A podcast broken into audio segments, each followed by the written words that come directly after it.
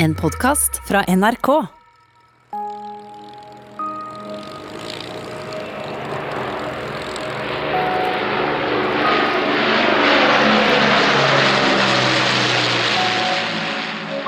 Vinter over Hardangervidda. Soldater fra Kompani Linge skal hoppe ut i fallskjerm. Som en festning i stål og betong reiser fabrikken seg midt i fjellveggen. Sabotørene skal forsøke å sprenge anlegget som lager tungtvann for Nazi-Tyskland. Ich brauche 5000 Kilo. And the heavy water room right at the. De allierte frykter at tyskerne lager atombomber med norsk hjelp. Her faller sakte, dråpe for dråpe, en dyrebar væske. Tungt vann.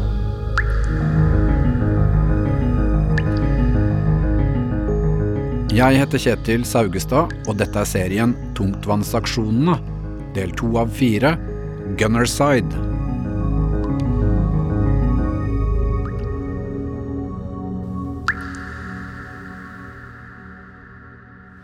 Husk på dem som dro foran og ofret livet.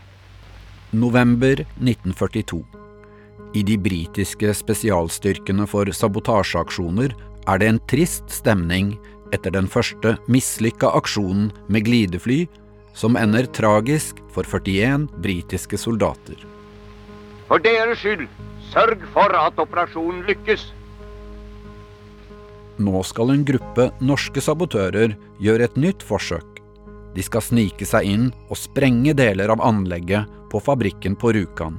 Det eneste stedet som produserer tungtvannet som tyskerne trenger til sine atomforsøk. Dere forstår kanskje ikke fullt ut betydningen i dag, men det dere gjør nå, er Norges historie om 100 år. Lykke til. En av de utvalgte er Joakim Rønneberg. Han har vært klar for å kjempe mot nazistene siden krigen starta. Og jeg fikk da den opplevelsen 9. april å stå hjemme i Ålesund og vinke adjø til mine venner som reiste i krigen. Da krigen brøt ut, måtte Joakim holde seg hjemme. Han har nemlig ikke vært inne i militæret. Da han skulle inn til førstegangstjeneste året før, slo han til på et tilbud om å gjennomføre siviltjeneste som landmålerassistent framfor å være soldat. Og den forsterkelse av fortvilelse som kom når jeg oppdaget at jeg hadde satset feil, den var tung å bære. Joakim flykter til England for å kjempe. Han er en av rundt 500 mann som i løpet av krigen blir trent opp for oppdrag bak fiendens linjer, Kompani Linge. Den siste gjenlevende fra denne norske delen av de britiske sabotørstyrkene er August Ratke. Min utdannelse i England det gikk ut på uh, behandling av sprengstoff, uh, silent killing, militær uh, oppbygging av en gruppe, fysisk styrke. Hvordan skal du være i okkupert område? Hva må du passe på? Sånn Alle de tingene måtte du jo lære på kurs i, i Skottland. Kompani Linge er ikke del av det norske forsvaret, og soldatene har veldig ulik bakgrunn. Men én ting binder dem sammen. Det som vi hadde i denne Lingesangen vår, hvor vi sier 'mot nazismens hakemerke' vi setter livet inn. I det ligger kampen mot en ideologi som vi fant jo helt sinnssyk. Britene ønsker aktiv krigføring i Norge, mens norske myndigheter vil ha minst mulig ødeleggelser. Så var det altså en, en alvorlig konflikt med britene om dette. Da de allierte vil bombe fabrikken på Rjukan, vinner nordmennene fram med sine protester. Vi må ha en balansert krigføring bak de tyske linjer, som også tar vare på de sivile norske interessene og etterkrigstidens interesser.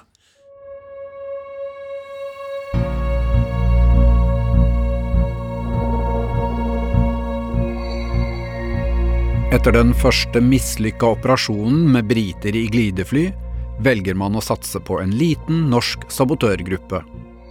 Joakim Rønneberg plukkes ut som leder. Det var i Skottland i november 1942, noen dager etter meldingen om nedstyrtingen av en engelsk glider på Sørlandet. Jeg ble kalt opp på kontoret til vår engelske sjef. Vil jeg navngi fem mann som jeg gjerne vil ha med meg på en operasjon i Norge? Seinhøsten 1942 har Joakim utmerka seg. Han har vært brukt som instruktør i Kompani Linge og viser god kunnskap om sprengstoff og bruk av kart og kompass. Men det er trolig lederegenskapene sjefene har lagt mest merke til. Han var en meget rolig, en meget eh, psykologisk eh, leder. Og han var dristig, men ikke dumdristig. Og prøvde å komme inn i sine kameraters eh, si, indre liv for å få dem med på en, en, en farlig, farlig jobb. Dagen etter kom godkjent liste tilbake fra hovedkvarteret i London med beskjed om igangsetting av intens trening. Kondisjonen måtte på topp snarest mulig. Under et besøk i London fikk jeg nærmere greie på vårt mål. Oppdraget er å sprenge høykonsentrasjonsanlegget for tungtvann på Rjukan. Gruppa får navnet Gunnerside. På Hardangervidda er det allerede en gjeng sabotører. Fire mann dro over for å ta imot glideflyene. Da glideflyene styrtet, søkte de tilflukt langt inne på det enorme fjellplatået, uten nye matforsyninger. Filmen 'Kampen om tungtvannet' fra 1948 forteller om de store prøvelsene. Her oppe er kulden enda strengere. Det er enda vanskeligere å få tak i mat. Det er som om alt liv har forlatt jorda. En av de sultne sabotørene er Klaus Hellberg. Til å begynne med hadde vi eh, noe vi hadde med fra England. Efter en måneds tid så hadde vi spist opp det, og da ble det temmelig magert. Jeg tror at vi levde mest på reinmose i en 14 dager og tre ukers tid. Reinmose og noe havregryn og sukker. Det var alt det vi hadde. I filmen er Klaus en av mange som spiller seg selv. Og jeg er så sulten, gitt. Det skriker i magen på meg. Her. Reinmåse? Du skal vel ikke ha oss til ete det, vel? Ja, noe må vi ha å fylle magen med. Litt næring er det vel inn. C-vitaminer om ikke annet. Stormen raser nesten uavbrutt. Den river med seg den primitive antennen som skal være bindeleddet deres med verden. Hver dag må den repareres på ny. For å holde kontakten med London trenger de strøm til radiosenderen, sier lokalhistoriker Tor Nikolaisen. Folk i bygda hjelper til med å få lada opp bilbatterier. Og så er de nede om natta og, og, og bytter, ikke sant? Det er gjerne Klaus som tar den tunge femmilsturen for å hente nye, fullada batterier. På en sånn uh, byttebatteritur så ryker det opp til et forrykende uvær. Og han går over ende i en utforkjøring. Batteriet veier eh, 22 kilo, tror jeg. Eh, orker ikke å få på seg ryggsekken igjen. Setter den bak en stein der. Og fortsetter med kompasset i handa i uværet. Og dunker i hytteveggen til kameratene. Hadde han bomma med ti meter, så hadde han gått der enda. Klaus stuper inn i hytta, totalt utmatta. De andre gutta tenker at nå må de bruke den aller siste nødrasjonen de har for å få litt liv i kameraten. De koker suppe på en pose tørka aprikos. Og første skjea, vet du. For i mørket så har de tømt en hel pose med salt oppi istedenfor sukker. Katastrofe, ikke sant? Om å tømme ut suppa og gå sulten og legge meg. Som vanlig, sier Klaus.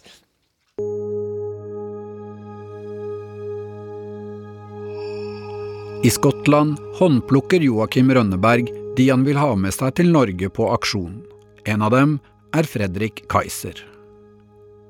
Så jeg husker vi hadde spilt en fotballkamp. Jeg var jo ivrig fotballspiller. Fredrik blir tatt til side av Joakim, som har merket seg at Fredrik er en sprek fyr med et stabilt godt humør. Og han fortalte da at Han skulle plukke ut noen karer til å være med på et sabotasje. Om jeg ville være med. Fredrik takker ja uten å vite noe om oppdraget. Jeg visste bare at det var Rønneberg som var sjef. Og når han, han var sjef, så hadde jeg noe med, med sprengstoff og pang-pang å gjøre. Og, det hadde de ikke noe imot. I forberedelsene får gutta de aller beste lærerne. Selv så fikk jeg gleden av å bli undervist i, i, i dirking av låser av en, en forbryter. En av de største eller flinkeste innbruddstyvene de hadde der borte, som var sluppet ut fra fengselet for anledningen for å instruere oss. Men det er også tid for en romantisk manøver. Fredrik Kaiser rekker også å møte kvinnen i sitt liv under forberedelsene, forteller datteren Tove Kaiser. Eh, disse sabotørene som skulle til Norge, de måtte få gjennomgå litt med en tannlege, så ikke de fikk tannpine midt oppi sine operasjoner. Tannlegens assistent er ei ung, pen dame fra Bergen som Fredrik har møtt før. Så det var mange som hadde vondt i tennene. Og da var det min far sa. Jeg kjenner hun det der. Og så ble de kjærester, og så giftet de seg 11. oktober i 1944 i London. Men det er oppdraget som er i fokus seinhøsten 1942. Gutta øver sprenging på en tro kopi av tungtvannsrommet og plukker ut hvilke våpen det er best å ta med. Når det gjaldt pistoler og sånn, så var det bare snakk om én ting, og det var Colt 45. Det store, fine hølet.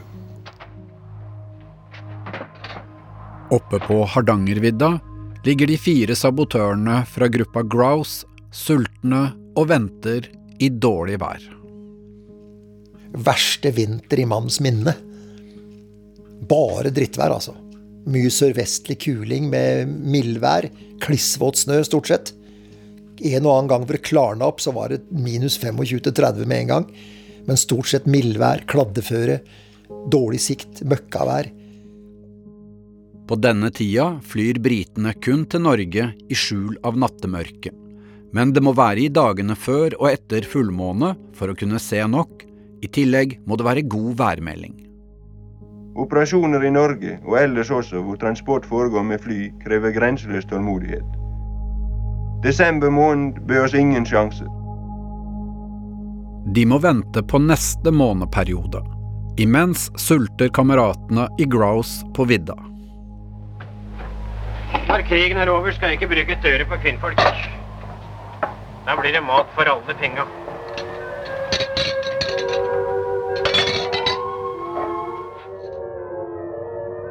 Av været er det ingen reinsdyr i området, men endelig snur vindretningen.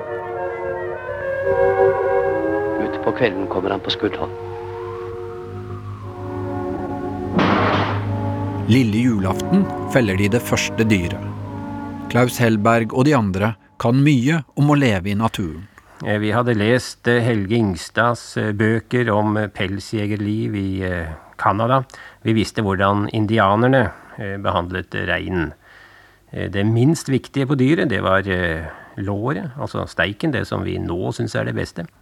Det gjelder å bruke hele dyret. Det var eh, hjernemassen, det var lever og nyre, det var blodet selvfølgelig, det var jo meget verdifullt. Kanskje det, det aller beste, syns vi den gangen, det var selve magesekken.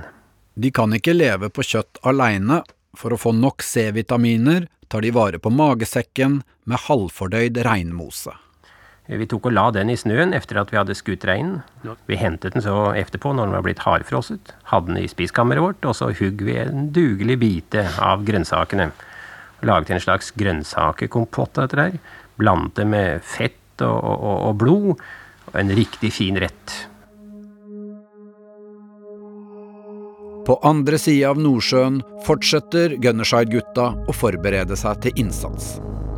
Tilbake i forlegningen i Skottland gikk treningen for fulle mugger. På veggen hadde vi karter over det sydlige Norge som ble grundig studert. Retrettruter fra Rjukan til grensen ble opptrukket og forsøkt lært best mulig utenat. I måneperioden i januar kommer Gunnerside seg endelig av gårde mot Hardangervidda. Men siden de ikke ser noen lyssignaler fra Grouse nede på bakken, så snur flyet uten at de hopper ut i fallskjerm. Skuffelsen var sikkert gjensidig stor. Vi led i vissheten om under hvor fortvilt vanskelige forhold våre venner i Norge levde. Men hva kunne vi gjøre? Flyturen tilbake blir dramatisk for Fredrik Kaiser og de andre.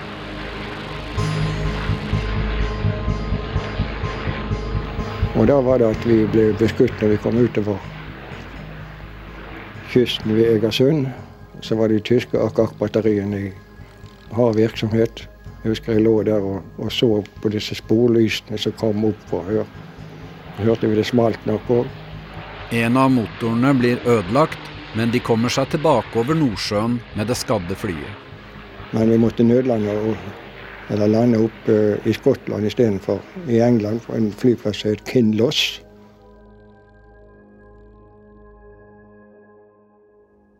Gunnerside-karene må vente på neste måneskinnstur. På vidda lever kameratene i Grouse under primitive forhold i vintermørket. Vi hadde så dårlig med lys. Måtte spare på parafinen, og stearinlys var det dårlig med på den tiden.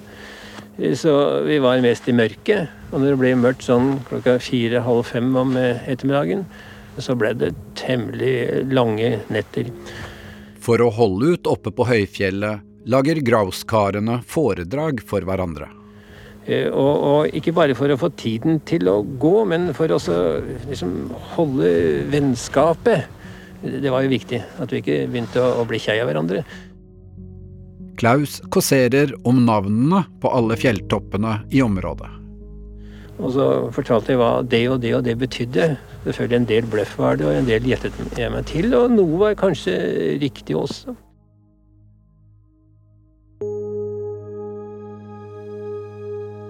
For Gunnerside blir det ny flytur i februar. Og denne gangen har Joakim, Fredrik og de andre bestemt seg for at nå hopper de ut uansett, bare flyet er over Hardangervidda.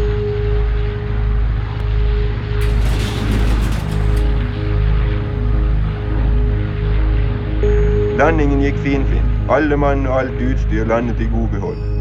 De har landa langt unna der de skulle. Så blåser det opp til skikkelig uvær på fjellet. Heldigvis fant vi en hytte hvor vi tok inn, og velsignet skal eieren være. Hytten kanskje reddet både oss og operasjonen. Snart sto vidda i et eneste kok. De aner ikke hvor de er, men så kommer de på noe smart. En fettflekk på et veggkart ga oss en pekepinn på stedet vi befant oss. De gjetter at mange har satt pekefingeren på stedet hytta ligger på kartet på veggen. Stormen raste ufortrødent i syv døgn, og mer enn én en gang sendtes vennlige tanker til den forsynlige hytteeier som hadde kjørt opp en hel favn med bjørkeved.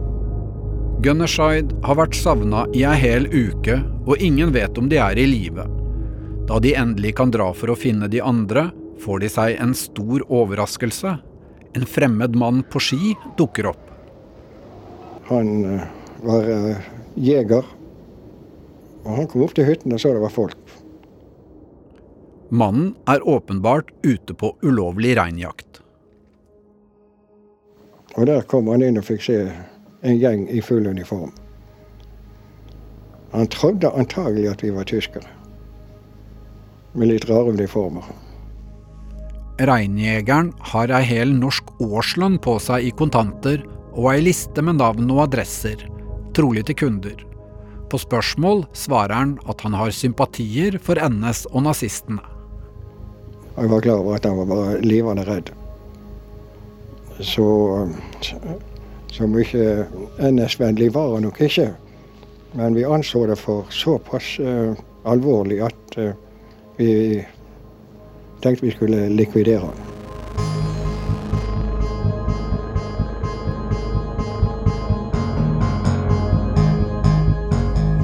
De utsetter avgjørelsen om å skyte jegeren, og lar ham heller trekke den ene sleden med utstyr og vise dem rett vei på vidda.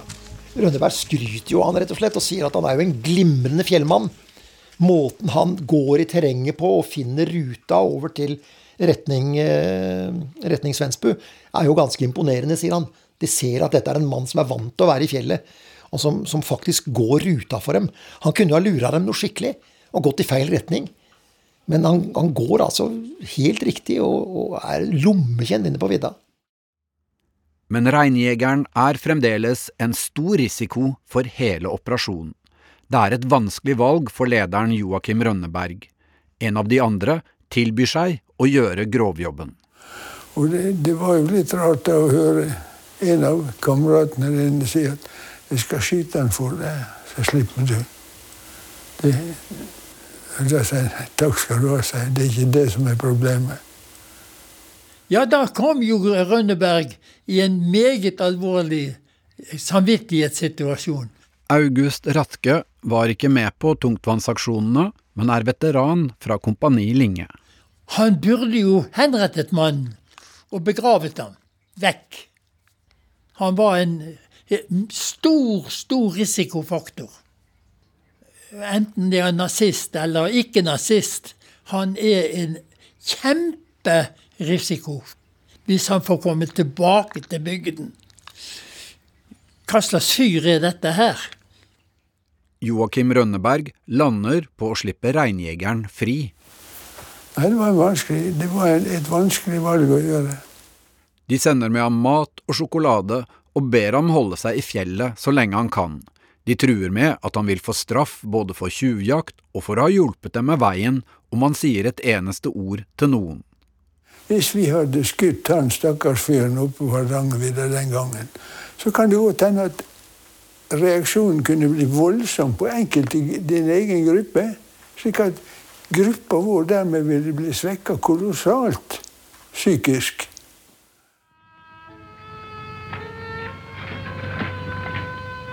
Hardangervidda er stor. Det viktige for Gunnerside-karene nå er å finne de andre kameratene fra Graus. Underveis får de øye på to skiløpere.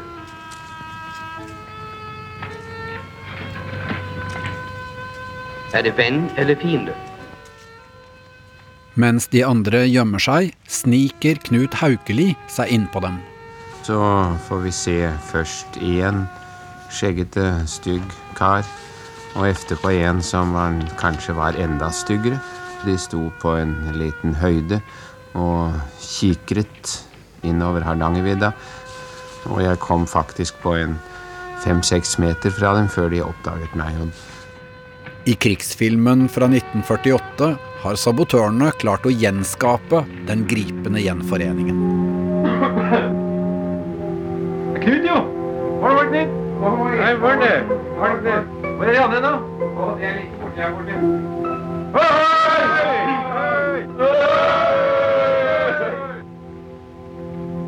Den 24. februar kom vi til hytta til våre fire venner. For et møte. Praten gikk til langt på natt. Dette var virkelige fjellfolk. Siden i oktober måned hadde de levet som fredløse på vidda. I tiden mellom jul og februar satte de til livs 13 reinsdyr. Nå er det bare å gi full gass for å få gjennomført sabotasjeaksjonen. Klaus Hellberg drar i forveien for å skaffe de siste opplysningene om det tyske vaktholdet. Det viste seg at det var enda flere vaktposter enn det jeg tidligere hadde fått greie på. Og så dro jeg opp til den hytta som skulle være startstedet for selve angrepet. Klaus møter de andre sabotørene på ei seter i Fjøsbudalen. Her diskuterer de grundig hva som er beste vei inn til fabrikken. Vemork ligger på andre sida av elva Måna. Over det dype elvejuvet går det ei smal hengebro. Alternativet vårt der var jo stikke ned disse to tyske vaktene på broa. Men blir de oppdaga, er hele operasjonen i fare. Under forberedelsene har Gunnerside-karene sett flyfoto som tyder på at det kan være mulig å komme seg over det bratte juvet litt lenger nede. Og da vi fortalte dette til disse innfødte rjukanværingene, så bare ristet de på hodet og sa det er absolutt umulig. Og en av de han sa til og med at det siste jeg gjorde før jeg reiste til England, var å være på landmåling oppi dette juvet. Det er helt umulig å komme ned i det. Samme dag som aksjonen skal skje, får lokalkjente Klaus Hellberg jobben med å sjekke det ut. Men at det gikk an, det var jeg ikke så helt sikker på. Lørdag formiddag går han ned fra fjellet i sivile klær. Det var jo ingen av oss eh, som vokste opp på Rjukan som har vært nede i juvet her. Vi hadde jo ikke noe der nede å gjøre. Klaus finner et sted det er mulig å komme seg ned. Og fant eh, veien ned til juvet. Det var ikke så vanskelig. Der elva gjør en sving, vokser det trær helt ned til vannkanten. På elva er det is, så han kommer seg over, og det er mulig å klatre opp på andre sida, opp til jernbanelinja som leder rett til fabrikken. Det gjorde meg gikk det sånn. Og da var veien frem klar. Bare noen timer før de skal aksjonere, har de den endelige ruta på plass. Og da, da visste vi faktisk at nå kan vi få den store overraskelsen på vaktstyrken. Og sjansen for å gjøre jobben er mye, mye større.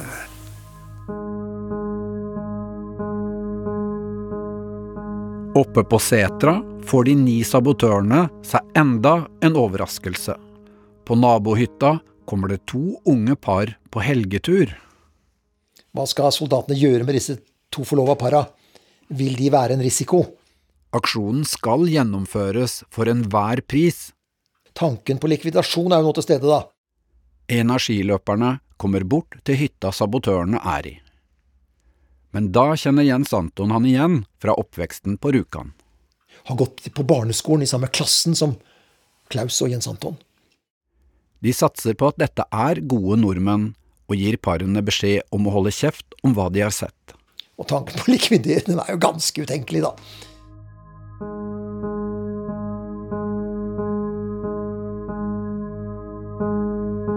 Det er lørdag kveld, 27. februar 1943.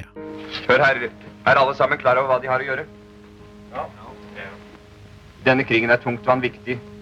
Operasjonen må lykkes.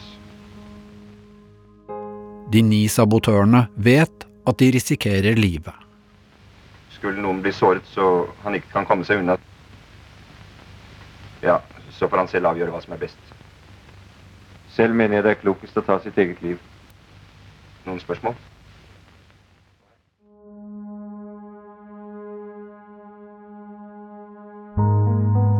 Det er kraftig fønvind og råtten snø omtrent til livet da de drar fra Fjøsbudalen utpå kvelden.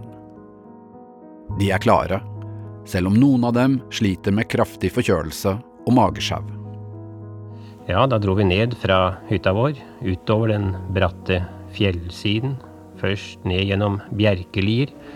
Veien mellom Fjøsbudalhytta og fabrikken er lang og farefull. Først går den på ski nedover bratte fjellet. Rett på andre siden av dalen, lenger nede, ligger fabrikkbygningene og lyser i mørket. Vi kunne høre maskinduren der fra fabrikkene. Det var litt rart å tenke på at om ikke så lenge skulle vi være der og stoppe noen av de maskinene. Der ligger mål. De gjemmer ski og sekker i skogkanten og tar seg videre til fots i hvite kamuflasjedrakter. Og så måtte vi ut fra veien og begynne å klatre nedover stupene mot Månaelven, dypt nede i gjelet. Sabotørene kommer seg nokså greit ned den bratte lia til elva. Alle kommer seg fint over og opp til jernbanelinja på andre sida av juvet. Jernbanesporet går helt fram til fabrikkområdet.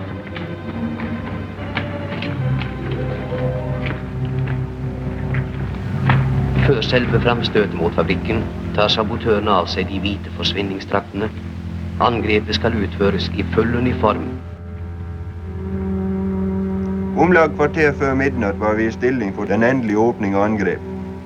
Tyskerne skiftet vakt på broa klokken tolv, og vi ville ikke angripe før vi hadde sett vaktavløsningen gå inn i brakka mellom fabrikkbygningene.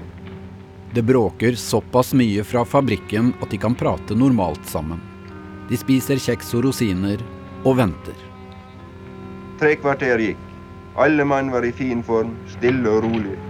Alle ladninger og ordre ble sjekket over. Det gjaldt at alle var klar over sin rolle i det store bildet. Oppdraget er å sprenge høykonsentrasjonsanlegget for tungtvann som ligger i kjelleren på det store fabrikkbygget. I den opprinnelige angrepsplanen var det også et ønske om å sprenge ulike enheter i første og andre etasje, der det blir laga lavkonsentrert tungtvann. Men dette er nå lagt til side. Så startet vi for siste etappe. Vi kom snart til porten i gjerdet. En arbeidertang gjorde kort prosess med låsen i porten, og vi var innenfor. Ved siden av den sju etasjer høye fabrikken ligger kraftverket med store rørgater opp til toppen av den bratte fjellsida. Nedover mot juvet går det en liten svingete vei til den bevokta hengebrua.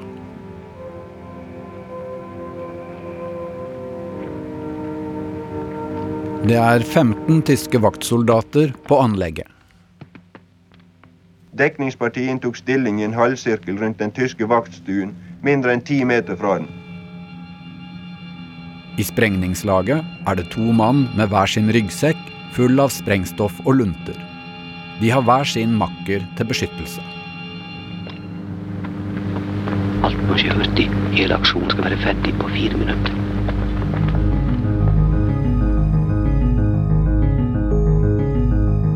Sprengningslaget rykker inn. Fredrik Kaisers jobb er å passe på Joakim Rønneberg. Vi kom og spurte mot fabrikken, Rønneberg og jeg sammen. Og uh, forsøkte først ytterdøren. Den kunne være låst, og den kunne være åpen. Alt var stille i fabrikktomten foreløpig. Sprengningspartiet snek seg frem til kjellerdøren. Objektet var i kjelleren. Alle forsøk på å få den opp ble mislykket og måtte oppgis. To dører til første etasje var like strie. De hadde håp om at en kontakt på innsida skulle sørge for at døra til kjelleretasjen var ulåst. Men Joakim husker at det er en alternativ vei inn. Ved å klatre opp noen jerntrinn i murveggen kan de komme seg inn i ei kabelgate over taket på kjelleretasjen. De kryper inn ei luke. Et øyeblikk etter så var jeg kommet inn på disse her kablene, som var liksom nærmest på en vannrettliggende stige. Fredrik Kaiser følger tett på. Jeg hadde en koltpistol så jeg hadde i hånden utover. Det er trangt og vanskelig å åle seg fram. Plutselig mister Fredrik pistolen.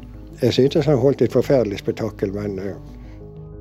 Heldigvis har han festa en hyssing i våpenet og får fiska det opp. De kryper rundt 15 meter før de finner en åpning. Gjennom noen vinduer som åpnet ut mot hallen, skimtet vi maskinene våre. Noen metallsylindere med et utall av rør og ledninger. De hopper ned på kjellergulvet. I selve tungtvannsrommet er det 18 sylindere, på størrelse med små varmtvannsberedere. Her blir tungtvannet foredla til ren vare. En norsk arbeider ruslet rundt og avleste målere og passet den. En prosessarbeider er på nattevakt innafor den siste døra. Vi rev den opp og tok kontrolløren helt overrasket. Han ble fort rolig og la villig hendene på hodet. Det går greit å få plassert ut sprengladningene. Det var en fryd slik som alt passet nøyaktig. Hver ladning smatt på plass som om de var laget til mål. Så skjer det noe. Omtrent halvferdig ble vi skremt av en rute som knuste. Fredrik Kaiser har fingeren på avtrekkeren på kolten. Holdt på til å skyte, men heldigvis jeg holdt inne. Nå har de tatt ladingsgrep. Det er bare meg. Det er sabotøren Birger Strømsheim. Han hopper inn og hjelper til. Men vi var glad over å se en av de andre karene i sprengningspartiet i vinduet. De får montert opp sprengstoff og lunter i full fart. Men idet de begynner å bli klare, dukker det opp et hverdagsproblem. Ja, men brillene mine, jeg, jeg må ha dem. Nattarbeideren vil gjerne ha med seg brillene sine. Det er jo litt rart å tenke på etterpå at du da i en sånn situasjon plutselig begynner å springe rundt i rommet og lete etter et par briller. Og du finner brillehuset til slutt og gir han og fortsetter å teipe lunter. og Plutselig så sier han ja, brillene var dessverre ikke i brillehuset. Så sier du ja, hvor var det brillene da? Ja, jeg hadde de når dere kom, og vi hadde flyttet bordet hans bort i et hjørne. Etter å ha romstrert i en masse protokoller, så finner du plutselig et par briller inni en gjenklappet protokoll. og så får han de. Og Grunnen var at det var håpløst å få briller i Norge nå under krigen, sa han, og dermed så fikk han brillene sine. For å være sikker på at ingen fanatisk tysker skulle ha en sjanse til å spolere vårt arbeid, bestemte vi oss for å kutte luntene ned til 30 sekunder. De monterer på to minutters lunter, men setter i tillegg på kortere reservelunter. Og så tenner vi alle på to minutter. Og så i siste omgang så tenner vi hver vår på 30 sekunder. Og så springer vi.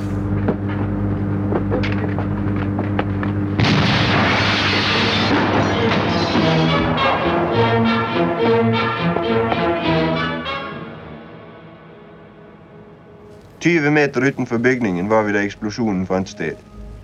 Den var ikke så kolossalt kraftig. Det For meg som var sistemann ut av fabrikken, var det et stort smell.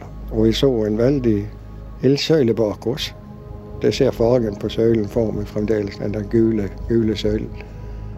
Gunnerside har lykkes med det viktigste. Tungtvannsanlegget er sprengt i stykker. Å komme seg unna i live vil være en bonus.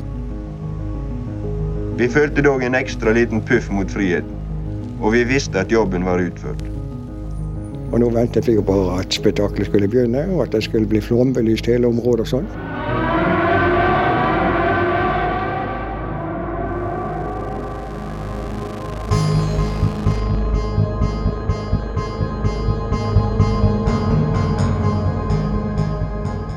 Du har hørt andre del av Tungtvannsaksjonene, laga av meg, Kjetil Saugestad. Lyddesign ved Kjetil Hansen, produsent Line Alsaker, arkivresearch Beate Riser og redaksjonssjef Siril Heierdal. Den spesialkomponerte musikken er laga av JF Allum. Klipp fra filmen Kampen om tungtvannet fra 1948 er brukt med tillatelse fra rettighetseier Erik Staubo. Asgeir Uland har bidratt med faktasjekk med utgangspunkt i hans bok Tungtvannsaksjonen. Det samme har Mildrid W. Nilsen, som har skrevet boka På sporet av tungtvannssabotørene på Hardangervidda. Andre viktige kilder er bøkene Sabotøren Joakim Rønneberg av Gunnar Myklebust, Tungtvannssabotasjen av Jens Anton Paulsson, Da Norge ville bli atommakt av Lars Borgersrud, Den norske atomlandsbyen av Jan Ketil Arnulf. Per Bøhn står for ulike arkivintervju med sabotørene. Der henta sitat med Klaus Hellberg fra radioserie laga av Tor Strand og TV-portrett ved Anne Torjussen Disen. Noen klipp med Fredrik Kaiser er fra TV-dokumentar av Kjell Harald Lunde og Terje Dale. Flere sitat med Joakim Rønneberg er fra TV-portrett laga av Frode Berg. Vi har med klipp fra portrett av Jens Anton Paulsson, av Ny Film AS og Svein Rune Nyland. Kontakt oss gjerne på e-post hele historien krøllalfa nrk.no. Du har hørt en podkast fra NRK. De nyeste episodene og alle radiokanalene hører du i appen NRK Radio. Jeg heter Mathias og er født biologisk kvinne. Det er offisielt på min første testosterondose. Hva om jeg mister liksom alle følelsene mine? Hva om kroppen min ikke blir sånn som jeg egentlig håper? I dag er dagen som skal starte mitt nye liv. Jeg har lyst å invitere deg inn i min verden som transseksuell. Penis i posten hører du først i appen NRK Radio.